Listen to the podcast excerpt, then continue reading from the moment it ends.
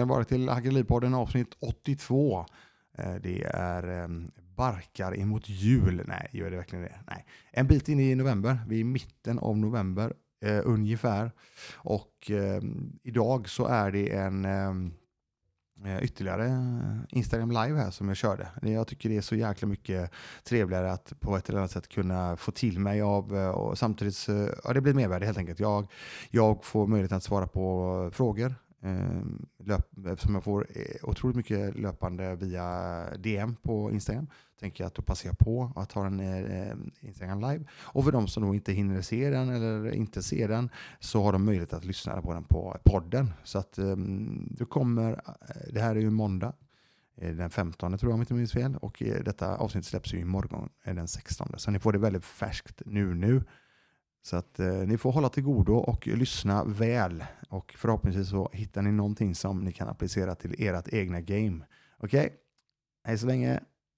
En grej som jag måste bara ta här nu. Eh, jag blir så jäkla glad. Eh, först blev jag ju svinglad över att eh, min vän och kompis eh, elev samt tränare på alla sätt och vis, vi har gjort det mesta ihop, eh, Rami Aziz, eh, före detta Aziz, numera Bladlav han har varit med i Hackeripodden också. I avsnittet som heter Under ytan. Där han eh, för nu två och ett halvt år sedan drog igång med fridykning. Att hålla andan helt enkelt. Det finns olika grenar där. Men framförallt eh, stat, static apne tror jag den heter. Där han ligger på ytan under vatten. Då. Så eh, det var ju Nordiska mästerskapen i helgen och eh, då gick Rami och gjorde, han höll alltså andan i nio minuter och åtta sekunder. Helt otroligt grymt. Eh, jag är ju såklart inte förvånad eh, för att han har ett eh, driv och en, ett mindset som väldigt, väldigt få människor har, rätt sagt som jag har träffat. Han var ja, en stor rek att lyssna på den under ytan. Jag tror det är avsnitt 42. Inför, jag vet att han även gjorde en Eh, en sån cold turkey, eller rätt sagt, eh, där han verkligen stängde ner allt vad sociala medier hette för ett bra tag sedan och sen gick han all in för att verkligen, verkligen fokusera emot eh, Nordiska mästerskapen här och det gjorde han med bravur, ska jag säga. Så det blev väl, nu har inte jag den sista upp, uppdateringen där, men den, på fyra grenar så tog han två guld och ett brons, potentiellt också en medalj igår med. Jag är lite dåligt uppdaterad. Så är det någon som vet det så säg till.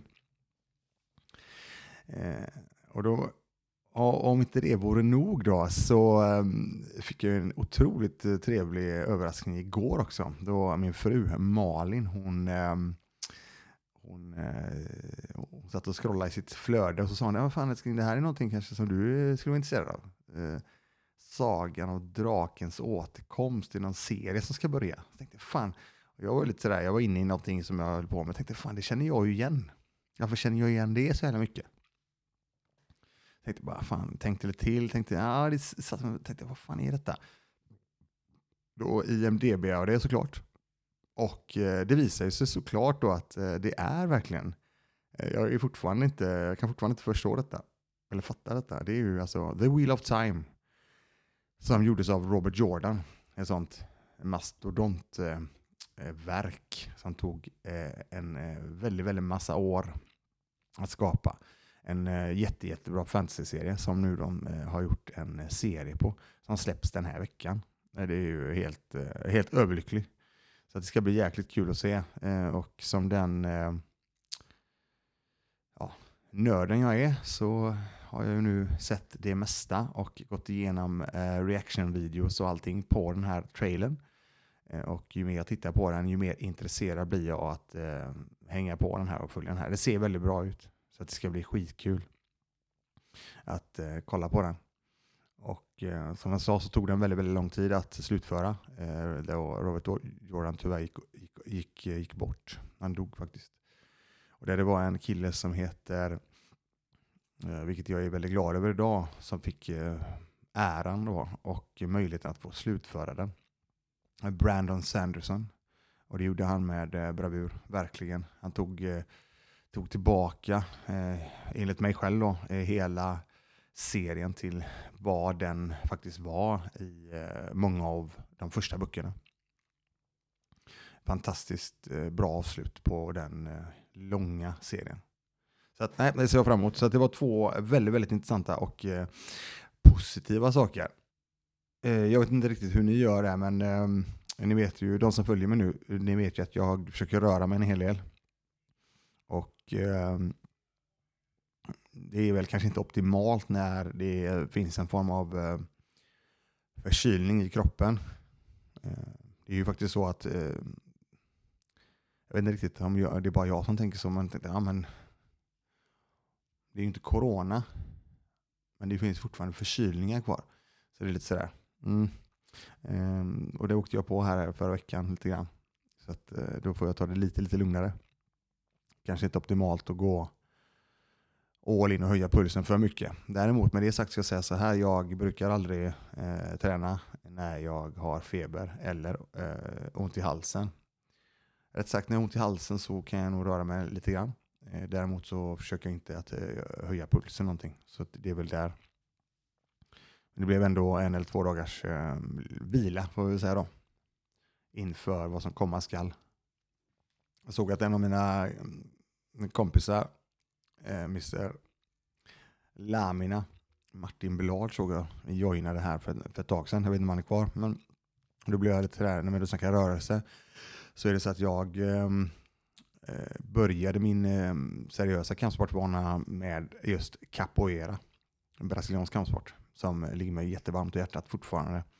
Så att eh, har ni inte någon gång testat det så är det en stor rek för att få Eh, rörelse för hela kroppen.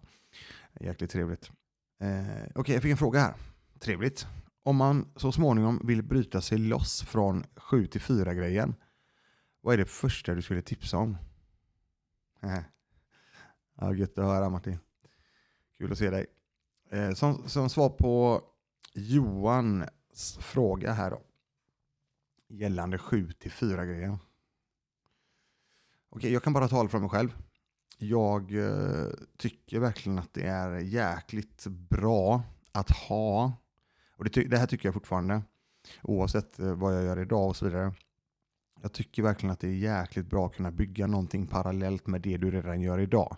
Låt säga då att du har ett arbete och eh, då tycker jag det är väldigt, väldigt bra att försöka använda så många timmar på dygnet att bygga någonting parallellt med ditt jobb där du faktiskt eh, får en inkomst och eh, kan driva runt eh, ditt liv, din familjs liv och så vidare med det. Och eh, parallellt som sagt jobba med eh, att skapa någonting, en hobby till exempel, som kanske då i slutändan genererar pengar och så vidare.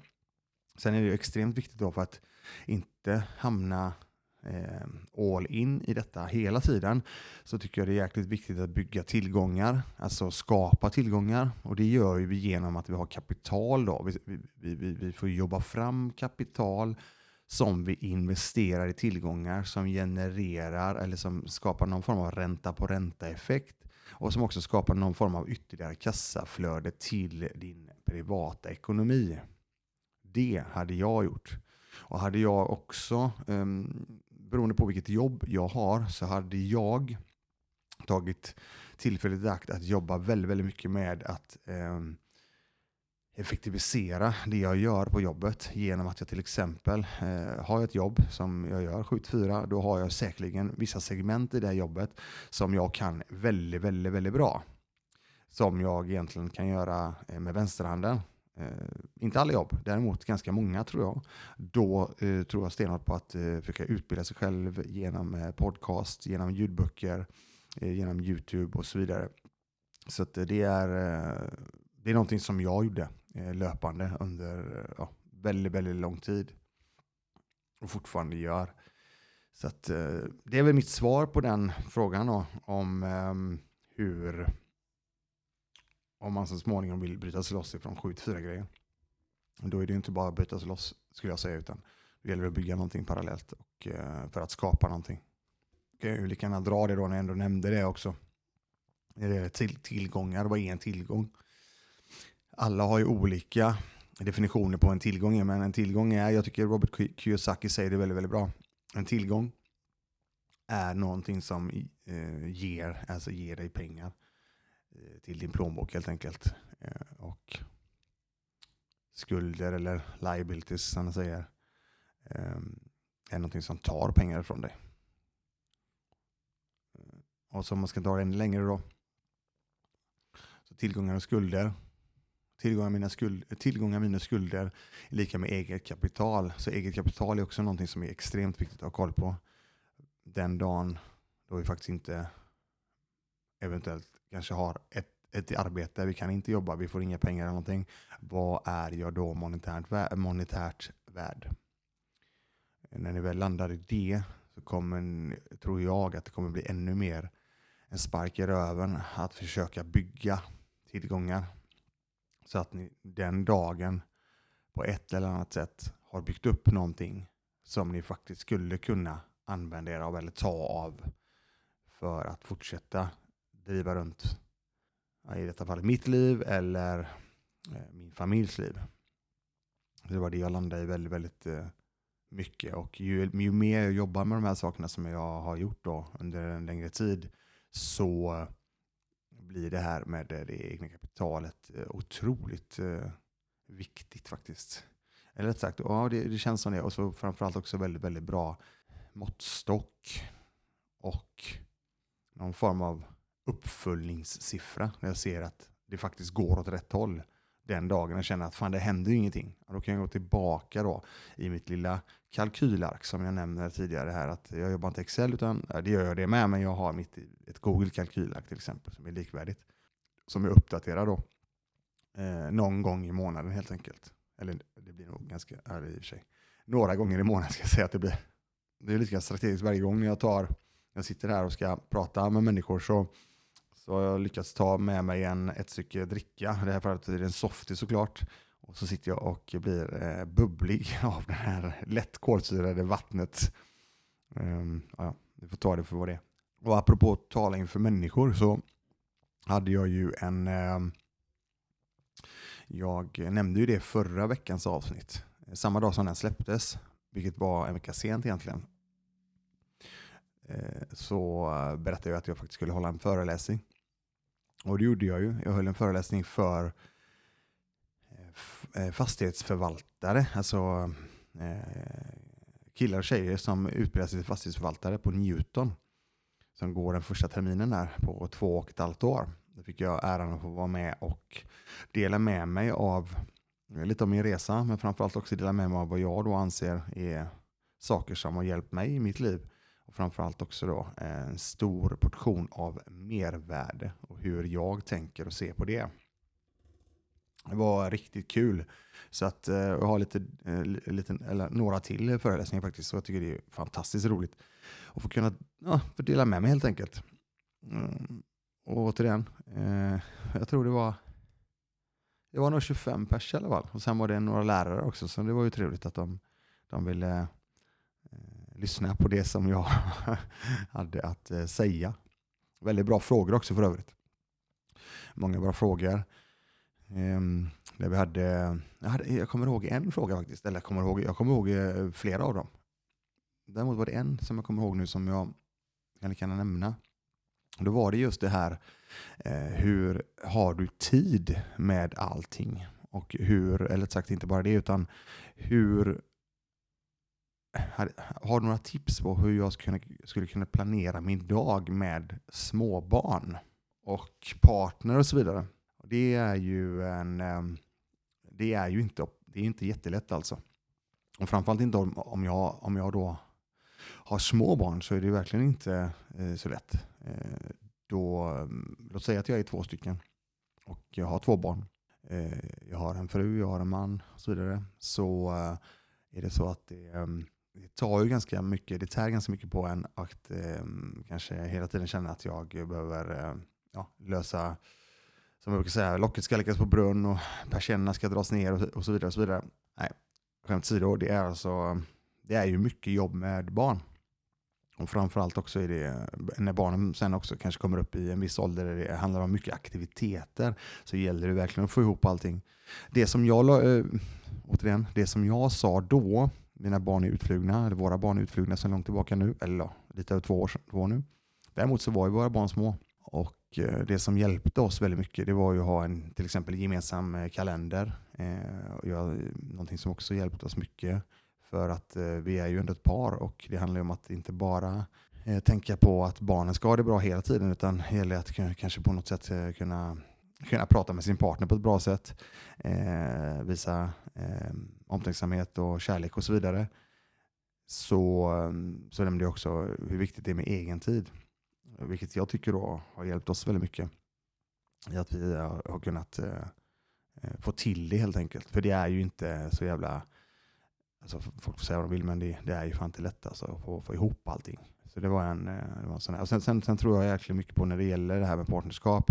Eh, barnen de, de, de sätts oftast i första rummet och det, jag tycker verkligen det är mm, helt rätt och så vidare de ska ha det gött och bra. Däremot så är det så att det är väldigt lätt att glömma av sin eh, partner i det här fallet. Så jag tror mycket på att säga vad jag tycker om min partner. Eh, och mycket beröring, beröring och så vidare. Eh, jag tror det är en viktig grej att inte glömma av varandra i den här, eh, den här resan då. Med påbörjan. Sen är det ju jävligt eh, trevligt att ha en partner som faktiskt eh, tänker och eh, i alla fall är med på samma våglängd när det gäller vad, vad jag ska och in, eh, sagt, vad vi ska som familj eller vad vi har för mål och sätta upp mål tillsammans och sådana saker. Jag, jag tror mycket på de grejerna. Det är jävligt svårt om du har en som bara gasar och en som bara bromsar hela tiden. Jag tror det, ehm, med det sagt så är det bra att ha en broms, jag säger inget om det, för det, det, det har jag mått bra av också. Däremot så är ändå riktningen Eh, tycker jag är viktig att ha eh, satt tillsammans för att komma vidare och ta sig framåt på ett bra sätt. Grimmereds krog for life, ja det är grymt. Eh, det är ju en, ehm, en av, det är min stam, stamkrog helt enkelt. Eh, med det sagt så dricker jag ingenting. Jag dricker bara tonic och eh, eh allting annat. Jag dricker ingen alkohol. Däremot så är Grimmereds eh, krog på Grimmeredsvägen 99 är eh, fantastiskt eh, bra med, det, med, eh, med maten och människorna som äger och jobbar där. En stor rek. Jag fick en fråga här också. Vilka passiva inkomster har du nu? Ja, det är lite intressant. Alltså passiva, då är det så här, men vad är passiva då? Jo, men passiva inkomster skulle jag väl säga är eh, aktieutdelningar. Det är ju en passiv inkomst jag har ju en hel del i, av portföljen ligger ju då i eh, fastigheter, direktägarna av fastigheter. Och det har ingenting med passiva inkomster att göra, skulle jag säga. På grund av att det är väldigt, väldigt lätt att det är väldigt, väldigt lätt att folk tror det. När du direktäger någonting, alltså fastigheter i det här fallet, så mm, är det inte passiv inkomst, för du, du, du har ju att göra. Du har ju ett ansvar för eh, fastigheten, byggnaden och sen har du ett ansvar för eh, hyresgästerna som bor där och hela den här biten. Och du, ehm, du har ju en hel del admin som ska göras. Eh, har du, om, du, om du nu inte då lejer ut allt det där. Men till en början så kan ju du aldrig leja ut det. Och när du väl kanske köper din första fastighet eller kanske andra eller tredje för den, för, för den delen heller. Då behöver du fortfarande ändå ha, eh, ta in folk och så vidare. Och sen är det ju så att, jag menar, sen den dagen du har anställda så kommer du få ha koll på att, ja, du förutsätter ju såklart att dina anställda sköter de grejerna fritt under ansvar och så vidare. Sen är det fortfarande så att du ansvarar ändå för dina anställda. Så det här med att det blir passiv inkomst med fastigheter, det stämmer ju inte alls. Ehm, däremot så tror jag att du kan komma så Eh, så nära passivt, eh, passiv inkomst som möjligt med det med, eh, genom semipassiva inkomster. Men det är, för min del så är det en, en del av fastigheterna så, som är nästintill passiva, semipassiva. Och sen är det ju då um, utdelningar i, för, um, av uh, ja, aktieutdelning helt enkelt. Sen finns ju det lite fonder och så vidare, men det är ju, där har du inte aktieutdelningar i den bemärkelsen att du får faktiskt pengar, utan det får du, de får du ta del av via eh, kurs, kursen helt enkelt, kursutvecklingen. Eh, så det är väl det. Sen ehm, eh, däremot så tillgångar då. Eh, tillgångar eh, är ju ehm, lite, lite annorlunda. För tillgångar kan ju vara en, eh, en aktie till exempel som eh, inte delar ut pengar. Det är ju en tillgång eh, som, som du har då. och eh, till exempel en, eh, låt säga en tillväxtportfölj av eh, Eh, bolag som inte delar ut, eh, delar ut några pengar. Men det genererar trevlig procent eh, över tid på börsen. Så att det finns lite olika saker. Sen finns det de som människorna som tycker att, eller rätt sagt som ser till exempel konst, klockor och så vidare också som tillgångar. Jag vill böjd att hålla med där när det gäller, jag kan ingenting om konst alls. Däremot så kan jag eh, lite grann om klockor. Och eh, det är väl också ett tillgångsslag eh, om du gör det på rätt sätt. Ja, här får vi en, eh, frågan som jag väntar på en bra stund här nu, men nu kom den. Vad kan jag, ta, eh, kan, vad kan jag få tag i sånt där plagg som jag har på mig? Det här fantastiska plagget som eh, ser ut som en eh, övervuxen eh, hoodie som eh, även har då pizza slicer över hela, över hela sig. Och den går faktiskt ner till knäna nästan till. Jag har faktiskt, jag vet inte om den heter snagg... Snaggy eller Snaggly eller något sånt där. Jag, jag har inte riktigt eh, koll på det. Däremot så var jag på eh, Mallorca för någon, en månad sedan tror jag det var. Det är väl nästan en månad sedan exakt. Jag var nere och tittade lite grann på, mm, apropå fastigheter, så var vi nere och kollade lite grann på fastigheter. På hemvägen så åkte vi till ett ställe som heter Prime Mart, tror jag det heter. Det kan mycket väl vara fel, det kan vara Primark. Primart tror jag det Och det visste inte jag vad det var. Eh, så att min eh, dotter hon kollade väldigt konstigt på mig och frågade eh, hur gammal jag var. Men det visade sig att det, här var ju ett fantastiskt varuhus när det gäller allt möjligt. Men framför, eller framför, nej, inte allt möjligt var det inte alls, utan det var framförallt kläder. Och för det första så var det grymma priser. Jag blev skitimponerad över de priserna. Schyssta grejer. Och den här som jag har på mig nu, det här är ju inget då, om man nu tittar på branding och så vidare, så eh, är det inget speciellt brand. Jag tror väl det är deras egna brand. Alltså ett, eh, så att, och den kostar ju, jag tror den kostar 100, vad kostar den? 160-170 spänn bara. Jag tror om man kollar på den här, när den väl kom, och den finns ju fortfarande, eh, likadant som One Piece var, när det gäller jumpsuit så var det One Piece som var Rolls Royen om ni fattar vad jag menar. Så eh, jag tror den här ligger säkert på 500 spänn eller någonting, 500-600. Skulle, skulle inte förvåna mig alls. Likadant som eh, One Piece låg på väldigt mycket mer än alla andra jumpsuits som kom därefter. Och för den, eh, apropå då jumpsuits, när jag ändå nämner det, så um, tog jag ju fram en hel del sånt när det väl begav sig. För de som har lyssnat och eh, vet om det sedan tidigare så hade jag ju ett eh, klädmärke. Då hade vi en hel del eh, jumpsuits och eftersom eh, bolaget hette då, eller brandet hette Orkbite så blev det Orksuit istället för jumpsuit. Eh, ja, det var en liten parentes där. Jag blir lite inspirerad också när jag pratar om eh, de här fluffiga kläderna. ja, årets julklapp, ja det är, den, är, den är otroligt skön. Sen är det så här också, jag har inga problem att gå med den här på mig ute. Jag hade inga problem att gå med den här på mig på, eh, på flygplatsen. Eh, jag har inga problem att folk tittar på mig, jag tycker det är lite ball. Så länge jag kan äckla någon, så, länge jag kan äckla någon så, så, är det, så, så är det en win liksom. Eh, men däremot så blir jag eh, ganska hårt nedröstad av min fru när det gäller att jag ska försöka få på mig den här. Så jag får smyga ut med den när hon inte ser.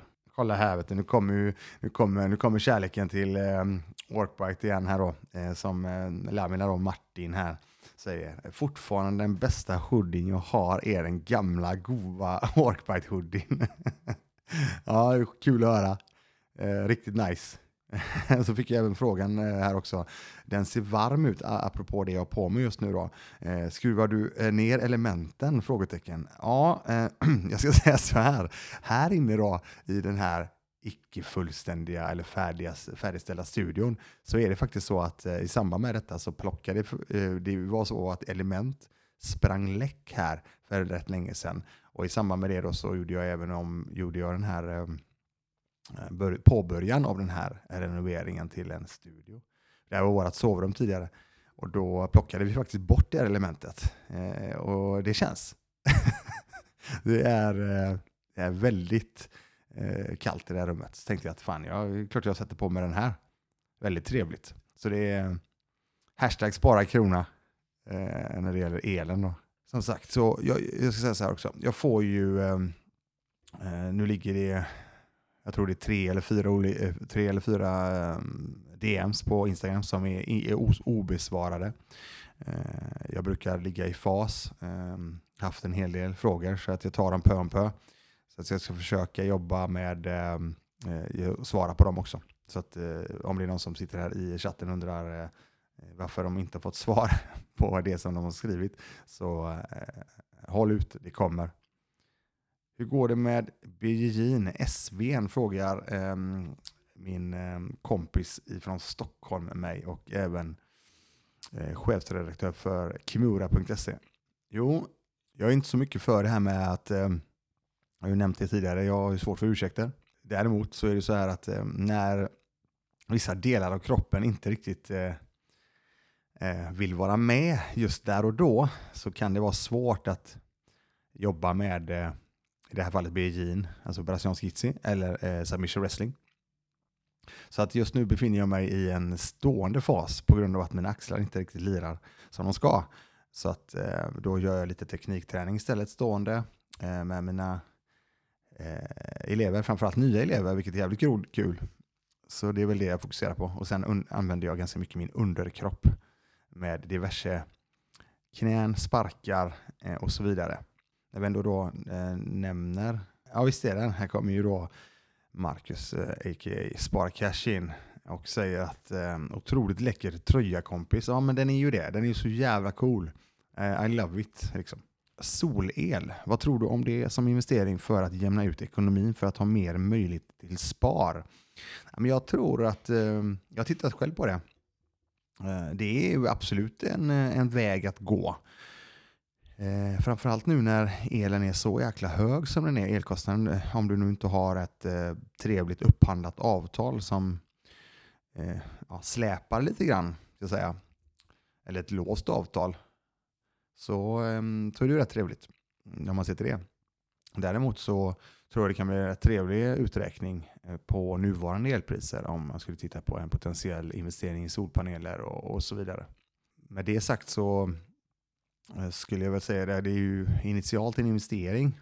Eh, så jag tror som, som, som kan springa iväg en del. Däremot så hittar du ett bra, en bra finansiering på den. Så tror jag att det faktiskt skulle kunna generera en del pengar i slutändan. Jag tror ju väldigt, väldigt mycket på när det gäller spar då så är det ju, eller jag vet ju att det är otroligt viktigt att jag eh, har en eh, bra sparkvot. Sen säger jag så här, det är inte så att du måste ha en eh, sparkvot som jag satt på till exempel i ja, nästan i två års tid. Ehm, jag låg på en sparkvot på mellan 50 och 57 procent löpande. Och då går det ju väldigt, väldigt mycket fortare när du väl investerar hela tiden överskottet som blir kvar varje månad och alla dina extra pengar som kommer in eh, investerat också då. Då går det fort. Sen är det inte så att, ehm, eller ja, rätt sagt så här, det är väldigt många människor vi lever i ett samhälle där det ska vara instant gratification. Det ska hända nu, nu, nu, nu. Det kommer inte hända nu. Oavsett hur mycket du sparar så kommer det inte hända nu, nu, nu. Däremot så kommer det ta betydligt eh, kortare tid än vad du ens skulle kunna drömma om. Tror jag. För eh, det gick ju faktiskt ganska fort för mig. Eh, de flesta, eller väldigt många har den här någon form av mål eller dröm om att nå först en, eller en miljon då till exempel. Någonting som, eh, ja, det är väl, eh, jag tycker absolut det kan vara ett jättebra delmål i den här resan som, eh, som du i slutändan eventuellt skulle vilja landa i. Så det går ganska fort alltså. När du väl committar och kör. Om man nu ser till den delen. Ska vi se. Jag fick ju en, eh, en väldigt relevant fråga såklart. Återigen. Av en person som känner mig. och följer mig och vet precis vad som... Eh, även en person som jag har spelat, spelat paddel med. Eh, och undrar lite grann, när spelar vi igen? Hur stor utmaning är det att balansera sparkvot mot paddelutgifterna? Eh, och den är ju eh, det är nog inte bara för min del som den eh, är relevant. Eh, det är ju eh, ja, det är en pandemi i Sverige. Jag ska säga så här, jag jobbar ju inte inte någonting med sparkvot längre sedan några år tillbaka faktiskt. För att alla de pengarna, sen, sen säger jag så här, jag har ju såklart koll på löpande hela tiden, månadens och månadernas ut, eh, utgifter och vad jag då kan fortsätta lägga in i verksamheten. Däremot så har ju det blivit eh, ett, eh, eh, ett hål av färgen svart när det gäller de paddelutgifterna för min del. Däremot så mm, är det så här, jag hade ju inte ens i närheten lagt de pengarna som jag har gjort och gör. Nu gör jag inte det lika mycket, för när du skapar tillräckligt mycket mervärde så blir det inte lika dyrt. Så kan vi säga. Ehm, däremot så hade jag ju eh, inte ens i närheten gjort, eh, lagt de här pengarna om jag inte hade byggt upp det som jag har byggt upp under, ja det är ju lite över sju år nu då, sedan 2014, första september. Så eh, när det finns ett trevligt kassaflöde så, och jag och min fru då inte har några barn att försörja så blir ju det såklart betydligt trevligare. Att, eh, och även i mentalt också kunna lägga pengar på saker som vi faktiskt tycker är jävligt roligt. Så där är väl mitt svar på det då, när det gäller eh, det. Ehm, hur kunde du gå från ingenting inom citationstecken, till där du är idag på endast fyra år med hjälp av fastigheter då jag hört från min bank att man måste vänta minst ett år innan man kan räkna med inkomsterna från dem. Ja, det beror lite grann på vad, du, ehm, vad vi investerar i då skulle jag säga.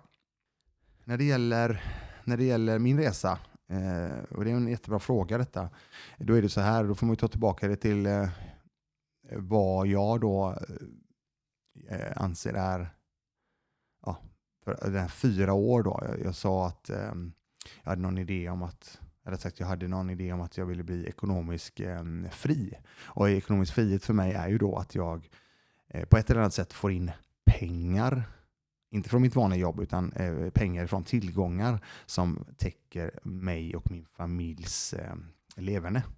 Och när jag, när jag får det och har det så eh, har jag nått den här friheten på grund av att då kan jag ju välja själv vad jag faktiskt vill jobba med.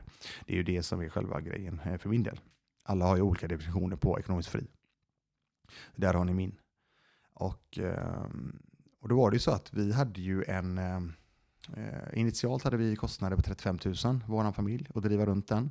Med allting vi gjorde, hela biten. Och då var det ingenting att vi började skära i det. Vi hade inte börjat skära i någon budget eller, eller rätt sagt skära i kostnader och hela den biten, eller utgifter. Sen tror jag landade i slutändan landade jag på 28 000 i månaden. För jag styrde upp eh, ekonomin och eh, tog bort massa saker och så vidare. Och ändå levde vi rätt schysst. Och eh, genom att vi köpte första fastigheten då, så eh, när du väl köper en fastighet så köper du ju, eh, när, eh, det är ju det att när du köper fastigheter så har du lite olika eh, ehm, eh, saker som är på plussidan av fastigheter. Plussidan, en plussida är ju att du köper det med en form av hävstång, eller rätt stor hävstång, alltifrån tre till fyra gånger pengarna, eh, Eh, fortfarande ska jag säga, som du kan köpa.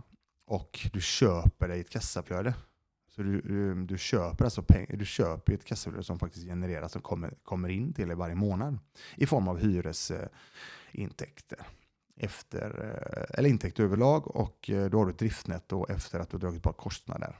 Och du har ett betalnetto efter att du har dragit bort din finansiering också.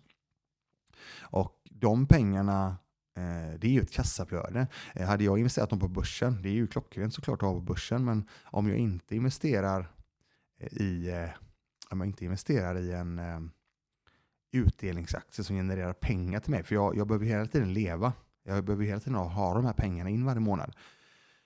Och då, för att bygga en utdelningsaktie så tar det ganska mycket längre tid.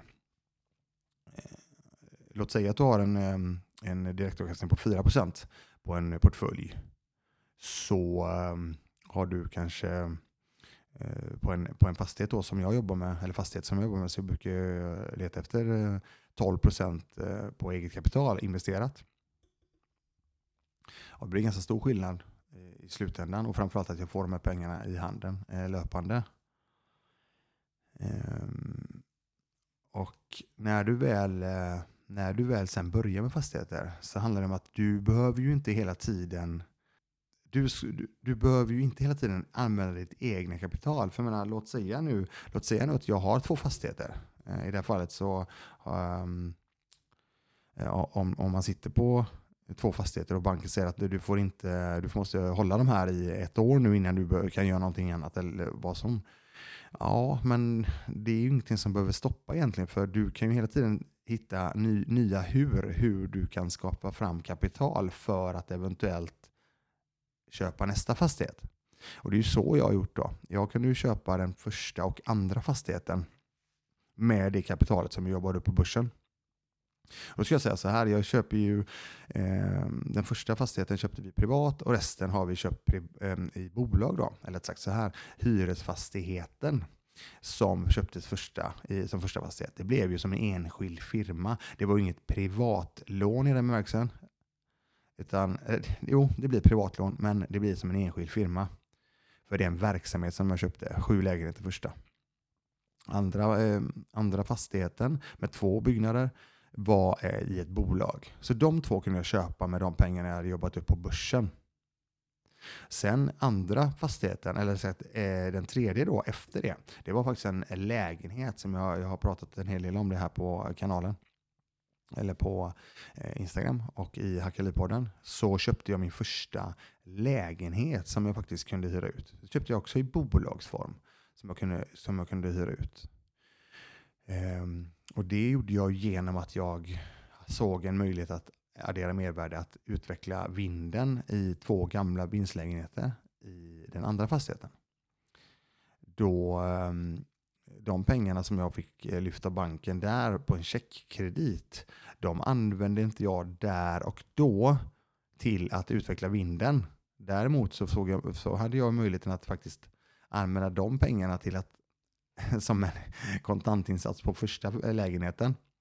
Och ehm, då blev ju den köpt av vad jag kallar Infinity-pengar, för det är ju inte några av mina egna pengar. Det är ju other people's money i det här fallet. Och det kunde jag ju samtidigt också då i den så kunde jag faktiskt också köpa ytterligare en lägenhet. Så det var så jag har, ehm, eh, där har ni första fyra förvärven egentligen på väldigt kort tid. Jag vet inte om det svarar på din fråga där Johannes, men det är så jag eh, kunde skapa mig ett ganska så stort kassaflöde ganska snabbt. Och det kassaflödet då som, eh, ja, om jag ville, kunde betala mig och min familjs leverne. Um, och så tar vi det till nästa nivå då, då är det så att jag vill ju fortsätta. Så jag har ju återinvesterat allt det där hela tiden. Eh, Däremot så har jag ju hela tiden då, sen den dagen jag kände att fan, det här rullar ju ändå. Och det här är ju, fan, nu har jag ju nått dit jag ville nå. Eh, enligt mitt mål då, innan 55. Eller när jag är 55, 16 år framåt när jag väl började. Tog egentligen bara fyra år. Eh, så har jag kunnat då, eh, utefter det, kunnat välja helt och hållet vad jag faktiskt har eh, velat jobba med. Jag kommer aldrig, jag kommer aldrig sluta jobba, jag kommer alltid hålla på med saker. Oavsett om det är att jag håller föreläsningar för, eh, ehm, för, eh, för ingenting. Eller att jag ehm, jobbar med välgörenhet eller vad som helst. Men jag kommer alltid göra någonting. Jag tycker det är jävligt kul. Och Eh, det, det hjälper mig att hålla igång min hjärna också. Så att, eh, ja, det var min, eh, det var lite en förklaring kring det som Johannes frågar här. En fråga till Johannes, från Johannes. Då du köpte lägenheten, fick du räkna med inkomsten på en gång? För jag antar att den var tom när du köpte den. Mm. Eh, här kommer du väldigt mycket fram till vad du har för relation med din bank. Din bankman, din bankkvinna. Ehm, jag... Eh, de lägenheterna jag har köpt har jag alltid kunnat visa ett hyreskontrakt på en hyresgäst som ska flytta in den, den, den dagen den lägenheten är fylld. Eller sagt, den, den lägenheten är skapad, byggd. För jag har köpt nyproduktioner på allting egentligen. Förutom en lägenhet där det faktiskt redan var en, eh, en, eh, en, ehm, en, en, hyresgäst i lägenheten. Då visar jag ju då också hyres, eh, hyresavtalet och visar eh, hyresintäkter eh, och, gjorde, eh, och visa kalkylen helt enkelt. Så att svar på den frågan är Ja, initialt absolut behöver du visa det tydligt för att bankmannen eh, och bankkvinnan ska förstå det. Sen när du väl har öppnat den dörren så, och du har levererat på exakt det du har sagt och kan, till och med kanske överlevererat så eh, behöver du kanske inte Eh, sälja in det varje gång utan det räcker säga ja, men, eh, same procedure as last year. För de som är unga så behöver ni kanske då eh, får ni googla det. Det är snart nyår och allt. Jag får en till fråga av Johannes. Det är bara att köra Johannes. Slipper jag, fråga, slipper jag svara på ditt meddelande i, i, eh, i DM också. Det är perfekt. Vad har du för tankar och åsikter kring enfamiljshus som investeringar? Chris Cron style. Eh, för de som inte sett vem Chris Cron är, eh, han har gjort en jäkla resa och han har ju ett, eh, ett system då som han jobbar ut efter väldigt, väldigt mycket. Där han eh, kör mycket partnerskap med eh, mycket människor. Och eh, där han har sitt, sitt team som då hjälper till. Jag tror det är ganska mycket, ehm, har mycket med turnkey investment att göra. Ehm, som, som, svar på det då, eller fortsatt på det, så tror jag säkert att du kan skapa, och likadant som du kan göra en ehm, business på ehm, lägenheter, alltså bostadsrätter eller ägarlägenheter. Eh, bostadsrätter som du faktiskt får hyra ut i andra hand och ägarlägenheter så tror jag absolut du kan göra en bra, eh, en bra resa på enfamiljshus också. Och är det så att du har då eh, fortfarande då kanske inte är så nära storstad, eller du kan vara nära storstad absolut, däremot utanför då, en, en bit utanför. Så tror jag fortfarande att du kan hitta jäkligt schyssta hus och få en jäkla trevlig avkastning. Så länge du då hittar bra hyresgäster, skulle jag säga. Eh, bra hyresgäster eh, är ju eh, i många fall kan det vara privatpersoner. Däremot så kan det också vara, vilket jag tycker är rätt bra, att hyra ut i bolag. Eh, för det är, det, är alltid, det är alltid jäkligt skönt att ha ett Fattar mig rätt nu, men ett skyddsnät eller ett eh, filter mellan dig och hyresgästen som hyr. Så att ja, är det någonting så kan du ta det direkt med bolaget som hyr lägenheten av dig om det är något som strular. Så det är en eh, stor rek faktiskt för att få bort eh, eh huvudvärk. Eh, vilket eh, det är en del huvudverk att äga fastigheter. Vi jobbar med människor. Jag, jag, jag tänker jag lämnar det vid det. Sen, eh, sen när det gäller eh, singelfamilj, eh, single, single family som det heter, eller enfamiljshus, så har du ett hus idag i en, ja, nära en storstad, storstad och storstad, men ni fattar vad jag menar, Stockholm, Göteborg, Malmö, ja det finns väl några till, så kan du få ganska så intressanta summor pengar varje månad eh, om du skulle hyra ut det. Och har du då, äger du då privat så har du ju faktiskt möjligheten att köra någon form av till exempel eh, Airbnb-stuk eh, över sommaren om du kanske drar iväg eller om du ska iväg på något annat. Så har du, har du lång, ska du iväg på en lång resa och vara borta länge så blir det ju ett annat kontrakt på det då. Men då kan ju du styra det på ett helt annat sätt än än om du äger det på något annat sätt. Varje gång jag eh, kör den här liven så, är det alltid, eh, så kommer det väldigt mycket fastighetsrelaterade frågor och jag tycker det, det tycker jag är skitkul såklart. Eh, det, det, visar ju bara att det är väldigt många människor som är intresserade av det tillgångslaget. och jag tycker ju det är jäkligt eh, intressant att jobba med personlig utveckling och det är ingenting som jag gör lite då och då utan det är ju någonting som är ongoing hela tiden. Eh, det är väldigt, väldigt utvecklande för sinnet att faktiskt äga och förvalta fastigheter.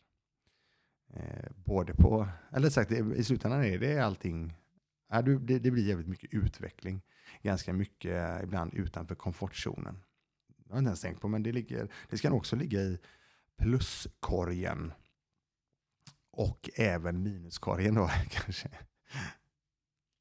När det gäller um, vad som är positivt och eh, negativt, eller pros, cons och så vidare när det gäller eh, fastighetsägande. Eh, och då får vi återigen säga det, direktägande. För du kan ju äga, eller du, du kan vara investerad i fastigheter utan att äga någonting av en fastighet. Och det vet ju säkerligen ni där ute också. Det finns ju möjlighet att låna ut pengar till olika saker och det finns aktier och så vidare. Och det finns fonder eh, som då har med eh, fastigheter att göra. Jag hade, apropå hälsa, då måste jag faktiskt dra den här. Jag, hade, mm, jag var på en jätte, eh, väldigt, väldigt trevlig middag i helgen. En eh, väldigt, väldigt god vän som fyllde år. Och då, hade vi, och då kom vi in på olika diskussioner, eller samtal ska jag säga. Då är det väldigt, väldigt eh, ofta jag hör att människor Eh, slänger sig med ordet, eh, och inte bara i, det här fallet i helgen, utan det är väldigt, väldigt ofta det är väldigt ofta det används, eller så att det används överallt i media, på sociala medier och allting. Då eh, snackas det om psykisk ohälsa hela tiden. Och jag har jävligt svårt för det här ordet. För jag, ehm, jag, eh, det, är, det är inte psykisk ohälsa enligt mig, utan det är psykisk hälsa. Den kan vara både upp och ner. Men psykisk hälsa är så jävla mycket enklare att säga det, för att det ska hela tiden vara så jävla eh, förankrat med att det ska vara så jävla dåligt hela tiden. Så jag tänker att eh, psykisk hälsa kan vi väl snacka om istället. Eh, för det finns ju, det finns ju ganska mycket att säga där. Så att, eh, det var väl egentligen en sån liten rant vid sidan av. Vilken person håller dig fäst i hela avsnitt just nu i personlighetsutvecklingsvärlden? Ja, det var en bra fråga. Nej, eh, jag gör så här. Jag säger så här. Jag får eh, hänvisa till det som jag faktiskt säger löpande. Om jag till exempel lyssnar på ett samtal som är på två, tre timmar med människor som jobbar väldigt mycket med de här sakerna. Eh, personlighetsutveckling och så vidare. Och det behöver inte vara de människorna heller, utan det handlar om att människor, olika människor som inspirerar till olika saker. Och det är det att, då, då är det så att, låt säga att det är ett samtal där en person, eh, ja, två personer pratar. Då ehm, kanske det är så att det är en enda grej som, så här, fan det där, den grejen, den, den var jävligt intressant. Fan vad intressant det där. Då testar jag det. Funkar det för mig? Så eh, plockar jag in det i mitt egna game. Liksom. Så att jag kan inte säga att det är... Jag kan inte säga att... Eh, jag säger så här, pratar väldigt mycket om att jag har väldigt svårt att se att jag ska följa någon, eller sagt jag tycker inte någon ska följa någon slaviskt och bara är eh, this is the one liksom. Eh, då kommer vi tillbaka och det vet du, du vet också Martin, det är väldigt lätt att fastna i det där. Men det gäller, vi kommer ju från kampsporten och till exempel capoeiran, till exempel BJN och så vidare. Där det är this is, the one, this is the only way, this is the only group. Alltså den enda gruppen som gäller, de enda teknikerna som gäller. Eh, det, var, ja, det ligger väldigt mycket i, tillbaka i tiden när det är kampsport också. Att det var så, mm, ja, det är din master och det, det här är den enda stilen som gäller. Jag är, jag är väldigt allergisk mot det där. Eh, så att eh, hitta små, små saker som faktiskt du kan applicera till ditt, ditt, ditt egna game. Funkar det så funkar det. Ta till dig det då. Genom att du tar till dig en liten, liten grej så, så tar du dig ett steg framåt på, eller ja, mer erfarenhetspoäng eller du höjer, du har uh, gjort någonting som uh, blir positivt i din uh, ränta på ränta när det gäller livet.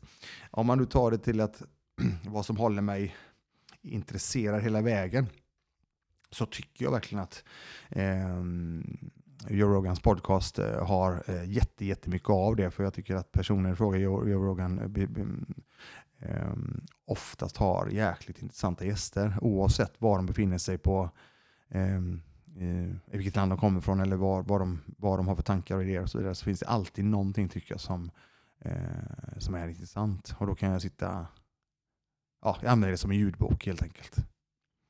Jag, vet inte, jag, jag pratar runt allting här, men jag tycker verkligen det är jäkligt viktigt att eh, ta till sig av saker och testa saker och plocka bort det som inte funkar och använda det som funkar för dig. Här har vi också då, jag såg ju att min eh, paddelpartner och eh, kompis och eh, träningspartner Johan Ingvarsson. En shoutout till Johan Ingvarsson och skicka lite kärlek till, han, kärlek till hans anklar. Jag vet inte om det är någon där ute som har en utmaning med att ni inte har några ledband kvar i era anklar utan de smäller då och då. Eh, det hände igår. Så att, eh, det är en sån en liten krya på sig till min kompis. Han måste ta hand om sina anklar. Ses imorgon om inte annat på klubben. Och det är också intressant eh, där. där. Nu har vi ju då, i det här fallet, jag tar Johan som ett exempel. Han, ehm, eh, han, han vet ju att de ibland smäller och han vet ju hur det känns och så vidare. Men ändå så ses ju, så, så efter att det här har hänt och vi är klara för kvällen så säger vi det. Men oavsett eh, så ses vi på tisdag på klubben. Och det är ju Frölunda Kampsportscenter. Det är ju det tillbaka till det att jag nämnde att mina axlar inte är riktigt eh, med mig just nu. Men vi slutar ju inte röra oss för det. Det är det som är så jäkla viktigt att få in. Jag hoppas verkligen att några av er tar till er det här. För att oavsett så kan vi göra andra saker. Vi kan träna teknik, vi kan, vi kan rehabba, vi kan prehabba, vi kan, vi kan göra massa olika saker. Framförallt vi, vi, kan, eh, vi, kan köra, vi kan stretcha. Eh, alltså, det finns så otroligt mycket att göra fastän vi faktiskt har lite skador och skavanker.